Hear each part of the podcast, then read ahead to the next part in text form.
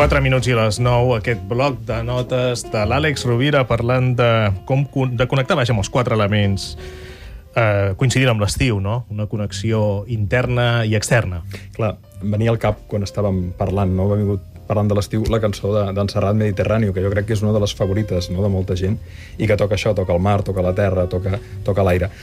Um, la idea seria molt senzilla. Um, és un bon temps per connectar no només amb, amb la realitat dels quatre elements, sinó amb, amb la metàfora. D'alguna manera, la terra, eh, l'aigua, l'aire i el foc eh, els tindrem molt presents aquests dies si prenem consciència de que estan allà. No? Aleshores, quina és la doble dimensió? Doncs la connexió amb l'aire, no? respirar, aprendre a respirar, prendre consciència de la respiració. Però des d'un punt de vista metafòric, l'aire simbolitza les idees, els projectes, els anels, sentar-nos a escriure, no? cap on volem anar, orientar una miqueta la brújula interior, no?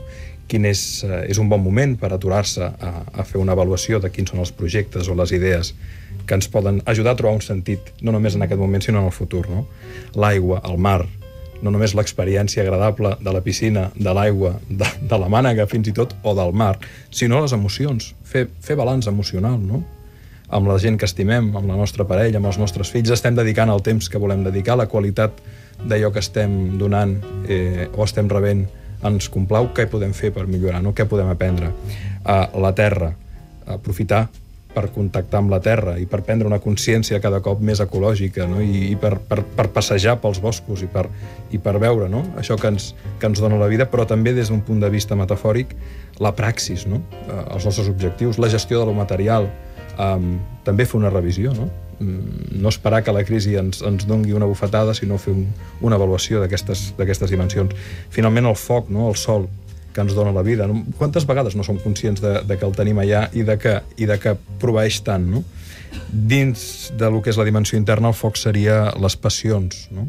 Doncs molt bé, contactar amb la, amb, amb, amb la passió i exercir-la amb la nostra parella o amb la gent que, que estimem, no? Dediquem temps a explorar la passió, el territori de, de, de la pell, eh, i en una altra dimensió, fins i tot també els, el, les passions personals, allò que ens mou, allò que ens motiva, allò que ens mobilitza, allò que ens, que ens fa llevar-nos al matí i amb, amb alegria i amb ganes de tirar endavant. No?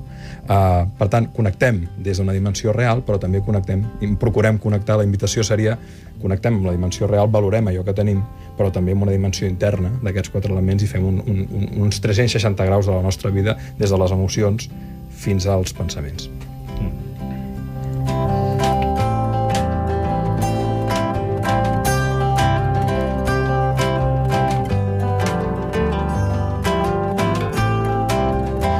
Moltes gràcies, Àlex Rovira. Gràcies. Moltes gràcies, Antonio Jorge Larru i Mireia Darder. Gràcies a tu. I moltes gràcies als oients que han fet possible aquesta segona temporada de l'Ofici de Viure, una segona temporada plena d'èxits. Eh? Ara cal aprendre a gestionar l'èxit, com, tal i com vam dir en un dels programes de l'Ofici de Viure. No? Segons l'últim EGM, l'Ofici de Viure té 45.000 oients diaris, és líder d'audiència en la seva franja la temporada que ha rebut el Premi Ciutat de Barcelona al millor programa de ràdio. Bé, eh, ha estat una grandíssima temporada. Moltíssimes gràcies per haver-la fet possible. Ens retrobem al setembre. Aquest estiu s'emetrà una repetició d'alguns programes de l'Ofici de Viure de 10 a 11 de la nit. Que tingueu un estiu plàcid.